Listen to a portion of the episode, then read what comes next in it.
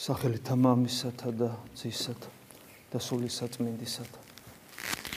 დღეს წმინდა ეკლესიამ სახარების მიერ შეგვახსენა, რომ ამ სამყაროს დასასრული აქ და სამყაროს დასრულება მოხდება უფლის დაბრუნებით და მარადისობაში გადასვლით, რაც რა თქმა უნდა ყველა ქრისტიანისათვის არის სანატრელი და სასიხარულო მდგომარეობა, რომელსაც ჩვენ მოველით, როგორც წამში ვამბობთ, მოველით, მოველით ყდართა აღდგომას და მარადილ სიცოცხლეს. მაგრამ წინა პერიოდი ამ დიდებული მოვლენისა, რომელიც ჩვენ კი არ გვაშინებს, არამედ გვახარებს, წინა პერიოდი არის მძიმე და სწორედ აი ამ სიმძიმეზე იყო საუბარი დღევანდელ სახარებაში.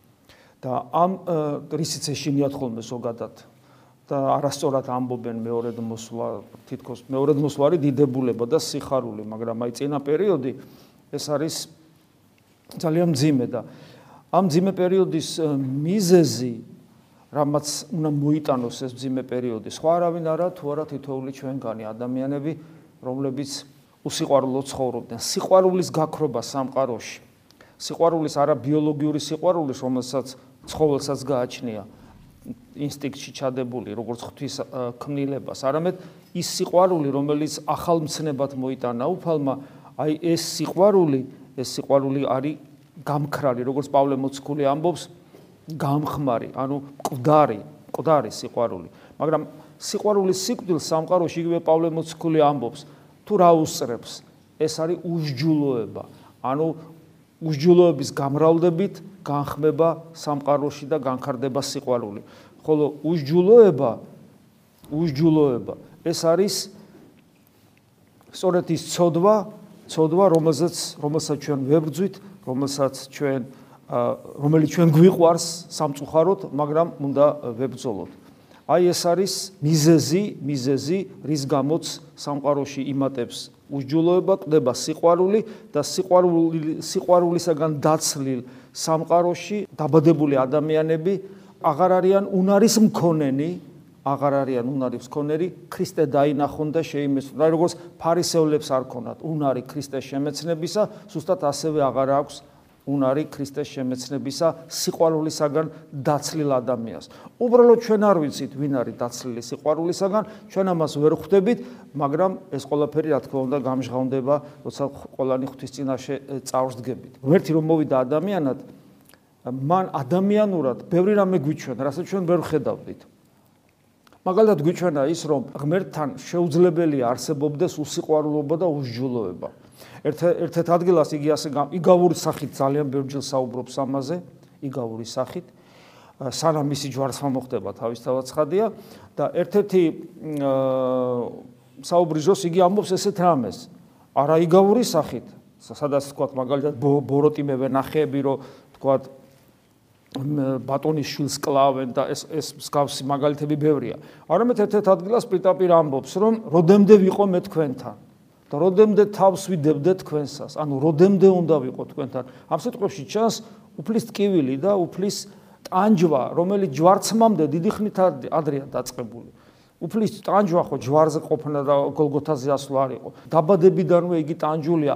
ვისგან ადამიანთა მიერ, როცა ჯერ კიდევ ესე იგი გამოქვაბულში შვა იმ ფაქტობრივად ანტისანიტარიაში და სიცივეში და ასე შემდეგ დევნულობა ეგვიპტეში გაქცევა და ასე შემდეგ. ანუ მუდმივად იტანჯება და ერთად ადგილას იგი თვითონ გამოხატავს ამ სიტყვას. როდემდე ვიყო მე თქვენთან. მაგრამ ის რომ ღმერთისათვის მიუღებელია ნებისმიერი უსჯულოება, ღმერთი არის გონიერი სამყაროს გონი ყოფიერების გონიერი საწყისი პიროვნული რომელიც არის სიყვარული ადამიანი მის ხატად მსგავსად შექმნილი გონიერი არსება ერთადერთ ხილულ სამყაროში ერთ-ერთი გონიერი არსება იმიტომ რომ ხილავ სამყაროშიც არის ხო ანგელოზები? ხილულ სამყაროში ერთ-ერთი გონიერი გონიერი არსება ადამიანი რომელიც დაჯილდოებულია ღვთის მსგავსი თვისებებით ამიტომაც არის ის ხატი და მსგავსება ღმერთისა და როცა ადამიანი თავის დანიშნულებას, თავის ღირებულებას, რაც აქვს მას, თავის ღირებულების შესაბამისად არ ცხოვრობს, არ ცხოვრობს, ფაქტობრივად ადამიანთა საზოგადოებაში აღარ არის ღმერთის ადგილი, შეიძლება ასე ითქვას, იმიტომ რომ ღმერთი არის სიყვარული, ღმერთი არის სიწმინდე, ხოლო მისი მსგავსი გონიერი არსება, რომ უსიყვარულო და უწმინდურად ცხოვრობს, ღმერთსა და ადამიანს შორის ყოველგვარი კავშირი წყდება.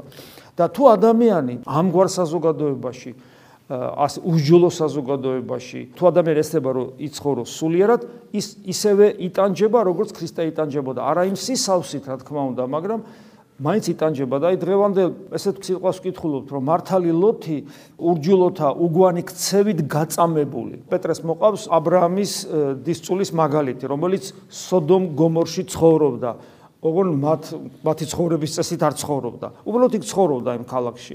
და ნახეთ ის იყო მართალი ანუ ღვთისმორწმუნე და ერთგული მაგრამ იმ უსჯულოებაში მაცხოვრებელი იყო გაწამებული. მათი უგვანი ქცევით გაწამებული. და ღმერთმა ის იხსნა და ის ალალმართალი მართალი ლოტი ალალმართალი ყოველდღე ნახეთ როგორ წერია ყოველდღე იტანჯებოდა თავისი მართალი სულით როცა ხედავდა და ისმენდა ხედავდა და ისმენდა მათ ურჯულოებას. ძალიან საინტერესოა როდესაც აი ხა საუბარია მეორე მოსulis წინა პერიოდზე დღეს сахарებაში, აი დღეს сахарებაში საუბრობს იმ საშნელ პერიოდზე, რომლის მსგავს საშნელი პერიოდი არასოდეს აღარ დადგება, უფალი ამბობს, რომელიც უფლის დაბრუნებას წინ უძღვის, ეს არის ანტიქრისტეს პერიოდი. ესეთი საშნელი პერიოდი აღარასოდეს აღარ იქნება, ვერავინ ვერ გაუძლებდა, მაგრამ რჩეულთან, ქრისტიანთა გამო უფალი ამოკლებს ამ დღეებს და მე ასატანს ხდის იმ ადამიანებისათვის, რომლებიც სოცხლები უნდა გადარჩენ და უფლის მოსვლას დახვდნენ. და აი მაგის პარალელურად ამ საკითხავის პარალელურად ეკლესია გვთავაზობს სოდომ გომორის მაგალითს რომ აი ეს უსჯულოება უსჯულოების ნიმუშად წარმოგვიჩენ სოდომ გომორს. ხშირად გვითხოვს ხოლმე რომ როცა საუბრობთ დღევანდელ სიტუაციებს ჩვენ ვიცით დღეს სამყაროში რა ხდება. დედამიწა მთლიანად ლამის გადაქცეულია უკვე სოდომ გომორად. აგე საბერძნეთში ამ დიდებულ აი ქრისტიანობის აკვანში დაიდგა ტახტი სოდომა და გომორმა შეიძლება ასე ითქვას და ამის ახლა არ განვარცობ ამბიონიდან თავისთავადსხადია ყველა მეტნაკლებად ვიცით თუ რასთანა გვაქვს საქმე. და ბერჯოლ გვითხოვს ხოლმე რომ აი ეს სული სოდომ გომორის სული რომელიც თელ სამყაროში მკვიდრდება და ეს უბედურება ეს უბედურება ჩვენშიც აღწევს. ჩვენთანაც უნდა ტახტი დაიდგას მე არ ვიცი ჩვენ რა უნდა გავაკეთოთ. უბრალოდ როგორ არ ვიცი, ჩვენ თუ ერთიანად შევიკურებით და ქრისტე იქნება ჩვენში, ვერანაირი ესეთი მსგავსი არაფერი მსგავსი არ მოხდება. მაგრამ ლოთი დაიხსნა და ეს ნიშნავს აგზელებს მაშასადამე. აი არ დაიღუპალო. სოდომ გომორში ცხოვრობს. არა საბერძნეთში, სოდომ გომორში. ესე იგი არავინ არ არის მართალი ლოთისა და მისი ესე იგი ლოთის გარდა არავინ მართალი არ არის. შეიძლება ასე ვთქვა.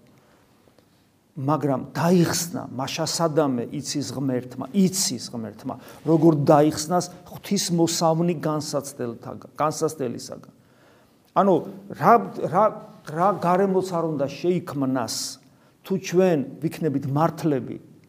ეს მართლ პირობითია ხო? მაგრამ ღვთის წინა ღვთის შვილები ღვთის შვილების დარა თუ ესდებით ვიცხოვროთ ჩვენ გადარჩები და თუ ჩვენ ბევრნი ვიქნებით საქართველოს გადარჩება, ჩვენ ხო საქართველო ვარ. გესმით, აი მაშია საქმე, მეტყობა იქ იქ იქ რაღაც პრობლემა შეიქმნა, აღარ არის ის რაოდენობა 10 მართალი არ აღმოჩნდა. 10 მართალი არ აღმოჩნდა საბერძნეთში, რა საშინელებაა, წარმოიდგინეთ. და სოდომ გომორიც ხომ ითო დაიცა რომ 10 მართალი არ აღმოჩნდა. მაგრამ შეიძლება ადამიანებს თქვას რომ რატომ ეხლავი არ ხდება ამ ადამიანების განადგურება, ანუ ვინც სამყაროს ანადგურებენ, მოდი ესე ვთქვა. რატომ არ ხდება მათი აღგვა პირისაგან მიწისა? აი ღვთისგანგება ესე მუშაობს. პეტრე მოცხული აგზელებს. უკეთურნი მართალი ხო გადაარჩინა ლოთი. უკეთურნი კი განკითხვის დღისათვის შემოინახოს განსასჯელად. განკითხვის დღისათვის. ღვთისგანგებულება ესეთია. ყოველას ბოლომდე აცდის განკითხვის დღემდე ესე აკეთებს ღმერთი. იმიტომ რომ ნოეს დროს წარღვნაში დაღუპულებსაც გადარჩენის შანსი მისცა, როცა უფალი ჯოჯოხეთში ჩადის და მათ წინაშე ქადაგებს და უფალი განსაცვიფრებელ ამეს ამბობს, როცა კაპერნაუმზე და მსგავს ქალაქებზე საუბრობს, სადაც ქრისტე არ მიიღეს, ეუბნება რომ სოდომი და სოდომელები და გომორელები თქვენზე წინ იქნებიან უფლის წინაშე. იმიტომ რომ თქვენ ქრისტე უარყავით. ხედავ თითქოს ერთის ხრი ვერ დაუბედურებაა ის მაგრამ მეორეს ხრი უფალი მაგალითად გვისახავს რომ აი ხო უბედურებაა სოდომი და გომორი შენ როცა ქრისტეს ვერ ხედავ შენ უარეს მდგომარეობაში ხარ. ამიტომ ეს ყველაფერი რაღაც ესეთი პირობითი შედარებით ესე იგი პედაგოგიური მოსაზრებით ჩვენ ღვთის განგებულება არ ვიცით. ჩვენ ხედავთ რაღაც ფრაგმენტებს ისტორიისა ხოლო ღმერთი მთლიანად ხედავს. დაწყებული ადამიანიდან ბოლო ადამიანამდე დამთავრებული ყველაფერს ერთიანად ხედავს. და ესე იგი ხო შემოინახა განსაჯელა და მე საინტერესო აქცენტი კეთება. უპირატესად ვისგან იკითხავს? უპირატესად ბილწ ხორციელ ვნებებს აყოლილი. აი კიდევ ერთხელ, კიდევ ერთხელ ვამბობთ, სამყაროს დაასრულებს ხორციელი სიბილწის უმაღლესი ფორმა, სოდომი და გომორი რაც არის. აი ეს დაასრულებს, იმიტომ რომ აი აქ იკარგება ადამიანის ფუნდამენტური თვისება, ხატება და მსგავსება. აღარ ადამიანი ხატი აღარ არის ღვთისა. აღარ არის ხატი ღვთისა. მსგავსებაზე აღარ ვლაპარაკობ. იმიტომ რომ ხატი და მსგავსი არის მამაკაცი და დედაკაცი, შეძლების და გვარა ზნეობრივ ნორმებით მაცხოვრებელი. და როცა როცა კაცი კაცი აღარ არის და ხალი ხალი აღარ არის და ეს არის კიდევ მეორე ყველაზე დიდი ამბოხი ღმერთის წინაშე. ადამიანი ხატი და ხატი აღარ არის ღვთისა და ღვთის ხატი რო არ არის ადამიანი მაშინ რა არის? რითი განსხვავდება ადამიანი მაიმუნისგან? არაფრისგან სხვა რაღაც არსება, უცხო პლანეტელია, ნახევრად რობოტია, რაღაც არსება, მაგრამ ის ადამიანი ხატი, რომ ადამიანი არის ხატი, ღვთის ხატი და მსგავსი. ღვთის ხატი და მსგავსი რო აღარ არის, ადამიანიც აღარ არის. და ამიტომ აი ეს ბილწვნებებს და ხორციელნებებს აყოლნი დაასრულებენ ამ სამყაროს. ის დააგრძელებს პავლე მოციქული, პეტრე მოციქული ძალიან მკაცრია. ისინი ასეთები როგორც უგონო პირუტყვნი, უგონო პირუტყვნი. ა ცხოველი, ცხოველია. გმობენ იმას, მაგრამ ნახეთ თლა ცხოველი არ არის, იმიტომ რომ გმობა შეუულია, ცხოველს არ შეუულია დაგმოს, გონიერ შეუულია დაგმოს. გმობენ იმას, რაც არესმით და თავიანთი ხრწნილებით გაიხრწნებია. თავიანთი ხრწნილებით გაიხრწნებია და უგუნურობა არის წინ სწრები მათ, იმიტომ რომ რაც უნდა გაიგონ ის არესმით. ამიტომაც არის რო ელაპარაკები ამ ადამიანებს არესმის. უბრალოდ ვერ იგებენ რაზე ალაპარაკ. შუშის თვალებით იყურებიან. მათ ასეთებს ნეტარად ნეტარებად შეურაცხავთ ყოველდღიური განცხრომა და ეხლა ეს ყველაფერი მარტო იმაზე კი არ არის, ეს ჩვენზეა, იმიტომ რომ მეორე ხრი ჩვენ არანაკლებ უბედურებას ვატარებ ჩვენ ჩვენ ხორციელი ვნებების სახით და ეს ნეტარად შეურაცხავთ ყოველდღიური განცხრომა და უცება არ გვახსენდება საკუთარი თავი, რომ ერთი სული გვაქვს ფუფუნებით და სიამოვნებებით ვიცხოვროთ? შესრული და შებილწულნი თავიანთი სიცრუით ტკბებიან. ადამიანი სიცრუით ტკბებია რას ნიშნავს? ადამიანი ქმნის ილუზიას ბედნიერებისას. ადამიანი თulis რომ ბედნიერება ეს არის ხორციელი განცხრომა და ფუფუნება. ამიტომ ეს სიცრუეა, მაგრამ ამ სიცრუით ტკბები და მისით ისრები და იბლწები. და ასეთი ადამიანები თუ არიან და არიან, ესეთი ადამიანი თავისთვის კი არ არის ჩაკეტილი და თავის თავს კი არ ხწნის, არამედ ისინი ილხენენ აგძელებს თქვენთან ერთად ქრისტიანებს მოგვართავს. ანუ ისინი ბილწავენ თანაჩენ სამყაროს, რომლებსაც თითქოს ეს არ სურს და აცტუნებენ. თუ ერთი ადამიანი მართლა მრუშობით სავსეა, სიტყვაზე ვამბობ, ან მემთრალეობით სავსეა და ასე შემდეგ, ის აუცილებლად მისი მდგომარეობა გადამდებია. გადამდებია. სიძვის ცოდვა არის გადამდები. გადამდები ის შეიძლება არაფერი არ გააკეთოს. ადამიანი თავის თავში ამას რო ატარებს, ის ვიბრირებს, აი ეს ცოდვა ვიბრირებს და სხვა ადამიანების ნერვებს ეხება, ისე რომ ცნობიერის მიღმა, ცნობიერი თარხდება, ცნობიერის მიღმა ხდება და ეს განიცდება, ეს ეს ეს ეს მომწამლელი შხამია. და ასევე ყველა ცოდვა, ეს განკითხვის სულიც იგივე საკეთებს, განსაკუთრებული ამპარტავნებაც ამას აკეთებს. ეს ეს საშინელებაა. ამიტომ ასეთი ადამიანები გარშემო სამყაროს ბილწავენ. მათი თვალები სავსეა მრუშობით და უძღები ცოდვით. მრუშობა ეს არის ღალატისა და ანგარების და ყველაფერის უბედურების ნაკრები შეიძლება ასე ითქვას და უძღებობა ეს არის უმადურობა. უმადურ რატო არის უმადური ესეთი ადამიანი? იმიტომ რომ ღვთის ხალხი ხარ. ღვთის ხალხი ხარ, ღმერთი შენთვის მოვიდა. მოვიდა და შენ უმადური ხარ, შენ არ გინდა ეს, შენ არ გინდა ღვთისშვილობა, შენ პირუტყობა გირჩევნია და თვალების სავსე რას ნიშნავს? თვალი არის სულის სარკე. რაც სულშია ის იყურება თვალებიდან. ასეთნი მე აგზელებს გულხარბნი და ანგარების მოყვარენი არიან და ისინი აცდუნებენ უმტკიცო სულებს. გულხარბი რას ნიშნავს, რომ ყველაფერი თავისთვის უნდა ანგარებაც დაახლოებით ეს არის შეიძლება ასე ითქვას, არაფერს აკეთებს საკუთარი ინტერესების გარეშე, ეგოისტური ინტერესების გარეშე და კიდევ მეორე გადამდებია, იმიტომ რომ ისინი აცდუნებენ უმტკიცო სულებს, იმიტომ რომ ასეთი ცოდვა, იგივე მრუშობა, ხო? იგივე ეს უმადურობა, აი ნებისმიერი ასეთი მსგავსი ცოდვა მას ჭირდება მსხვერპლი, მრუშს ჭირდება მსხვერპლი, ანგარს ჭირდება მსხვერპლი. მსხვერპლი ვინ არის? მსხვერპლი არის სხვა ადამიანი, უმტკიცო სული, რომელსაც აცდუნებს და თავის სიამოვნებისთვის გამოიყენებს. ესენი არიან ძენი წყევლისა. აი როგორც მიწარო დაიწყებლა და ძეც და ეკალს აღმოაჩენებს. ძე წყევლის რას ნიშნავს? არის ძე ღვთისა და ძე წყევლისა. ძე ღვთის არის ის, რაც როცა ადამიანი თავის ხატებას ანვითარებს და მსგავსებას და მართლა ღვთის მსგავსი ხდება, ხოლო ზეწყევლის არის ის, ვინც პირდაპირ ეშმაკის შვილია შეიძლება. ეშმაკის შექმნილი კი არ არის, მაგრამ ეშმაკი მასში ბატონობს. იქ სადაც ღმერთი უნდა ბატონობდეს, გონიერ ადგილას. იქ ეშმაკი ბატონობს. მონათრული თუა, მე რა რომ მონათრულია, ესე იგი წავიდა მისგან მადლი, იმიტომ რომ მისი არჩევანი არ არის ქრისტე და ნათლობის მადლით გაქცეული ეშმაკი ბრუნდება უკან და შვიდი თავისზე უბოროტესი შემოყავს და ის ხდება ძეწყევლისა. წრფელი გზა დაუტოვეს და შეცდნენ. ანუ ღვთისაკენ, ანუ წრფელი გზა ეს არის ქრისტე. სწორი გზა დაუტოვეს, დაუტევეს, ანუ უარყვეს და შემცდარნი არიან. ანუ შემცდარი, ანუ ცოდვაში, აცდენილები. ესენი არიან უწყლო წყარონი, უწყო წყარო თუ წყარო უწყლო წყარო რას ნიშნავს? ხო გაუგებრობაა, ხო? ესე იგი ლოგიკური შეუსაბამობაა. უწყო წყარო თუა წყაროა და თუ წყალი არ არის რაღაც წყაროა. ადამიანი, ადამიანი ღვთისხატი დამსგავსია და ღვთისხატი დამსგავსი თუ არ არის რაღა ადამიანი? ანუ ადამიანი, რომელიც არ არის ადამიანი. ადამიანი, რომელიც არ არის ადამიანი, ამას ნიშნავს უწყლო წყარო, ქარიშხლი დევნილი ღრუბელი, რომელსაც არ გააჩნია ორიენტირი სამყაროში და პიროვნული არჩევანი. და პიროვნული არჩევანი რო არ რო არ გააჩნია ქრისტეს ქრისტე თუ არ არის პიროვნული არჩევანი ისი ბუნების ნებელობით ცხოვრობს და ეს ბუნება არის ესე იგი ინტეგრირებული ამ სამყაროში და სადაც დემონური ენერგიებია და მოკლედ აი ესე თავის ჭკუაზე როგორც აი ქარისმიერ ახვეტილი ფოთლები აი ესე არის ადამიანი. და მათთვის გამზადებულია მარადიული უკუნი. უკუნი ეს არის ეს არის სრული უღმერთობა და დაუსრულებელი. იმიტომ რომ მარადიულია აი პეტრე ამბობს დღეს ახლა ბევრი ლიბერალურად განწყობილი ღვთისმეტყველი ამბობს რომ აცო ჯოჯოხეთი მარადიული არ არის. ენა ზვალი არ აქვს რასაც გინა ემას იტყვი.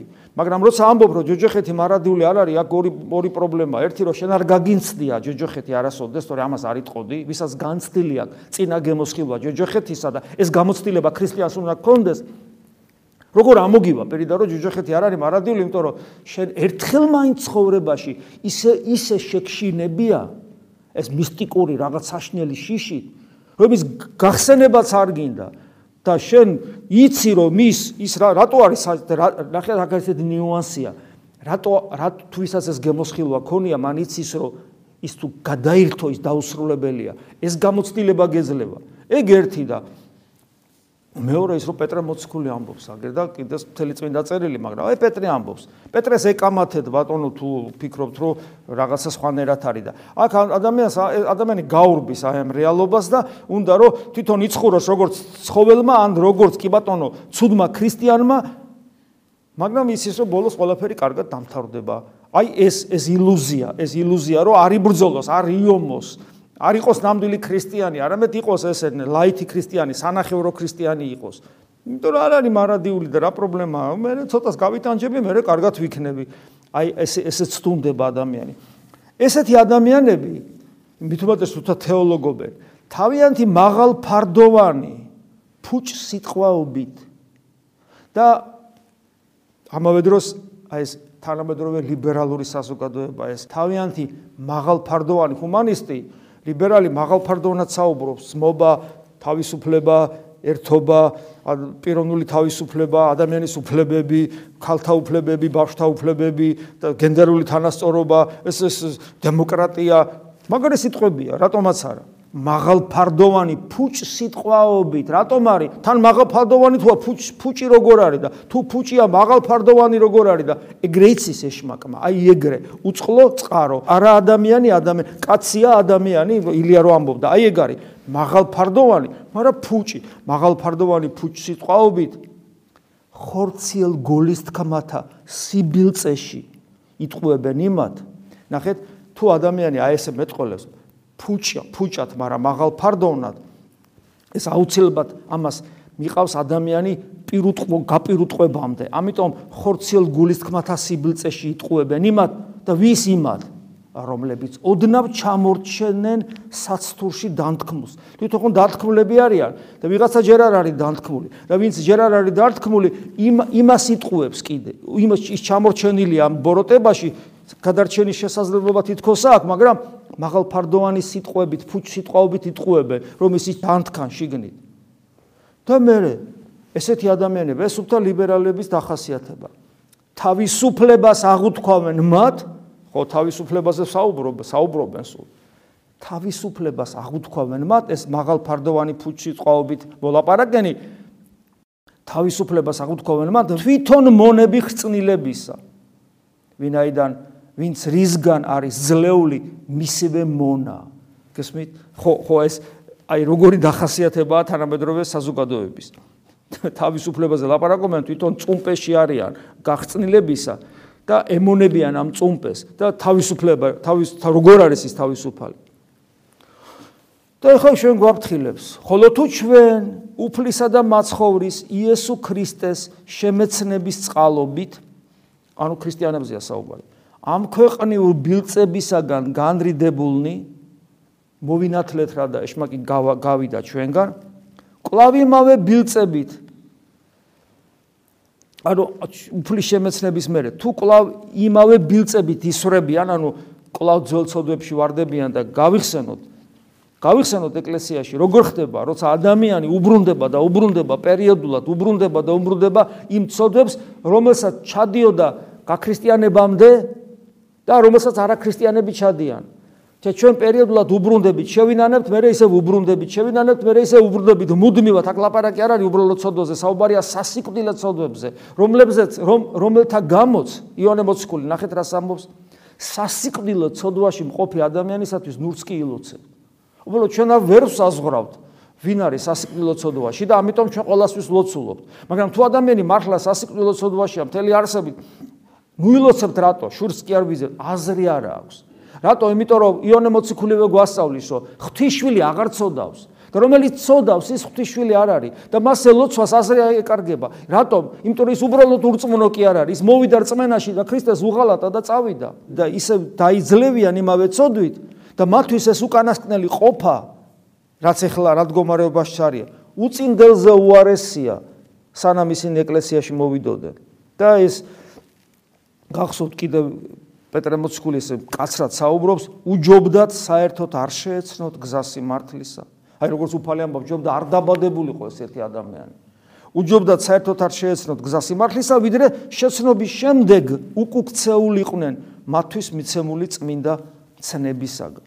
ადამიანი რო ვერ დავაფასებ იმას, რომ ქრისტე ღმერთობა დაინახა ჩემმა გულმა, რო ვერ მიხვდები იმას, რომ თუ რისთვის ამაკ ეს გონიერება შიგნით რომ ღმერთთან ურთიერთობა მქონდეს და ამ ყველაფერს გავცვლი ხორციელ სიამოვნებაში და სულ და ხორციელ სიამოვნება ხო არ არის მარტო ადამიანის დემონური მდგომარეობა მარტო ამას შევარულინდება დემონურ სიამაყეში? ეს ხო არჩევანია უკვე. და სწორედ მათზე თქმულა მართალი ანდაზა. ძაღლი მიუბრუნდა თავის ნარწყევს და ნაბანი ღორი კლავ წუმპეში ჩაგორდა. ეს რომ არ დაგვემართოს, ეს ხო ჩვენზეა გაფრთხილება, პეტრე მოციქული ხო ჩვენ გველაპარაკება. პეტრე მოციქული ხო ქრისტიანებს წერს ამ თავის წერილს, ეს ჩვენ რომ არ დაგვემართოს, კიდევ ერთხელ გავაცნობიეროთ, რა სიკეთე მოგცა ღმერთმა იმის გამო, რომ ადამიანები ვართ და რა სიკეთე მოგცა ღმერთმა იმის გამო, რომ დაცემულნი წამოგვაყენა ფეხზე და რა სიკეთე მოგცა იმის გამო რომ ჩვენს გულში შემოვიდა დაგვიკაკუნა და ჩვენ დავინახეთ ქრისტე როგორც ღმერთი და გვასწავლა როგორ გადავრჩეთ. და მოგცა საოცარი საიდუმლოება ევქარისტიისა, სადაც ჩვენ გვაქვს შესაძლებლობა მას შეუერთდეთ და მოგცა საოცარი საიდუმლოება გონებისმიერი ლოცვისა, ოდესაც სწავლობთ გულის გაღებას ყოფიერების შემოქმედი ღმერთისათვის.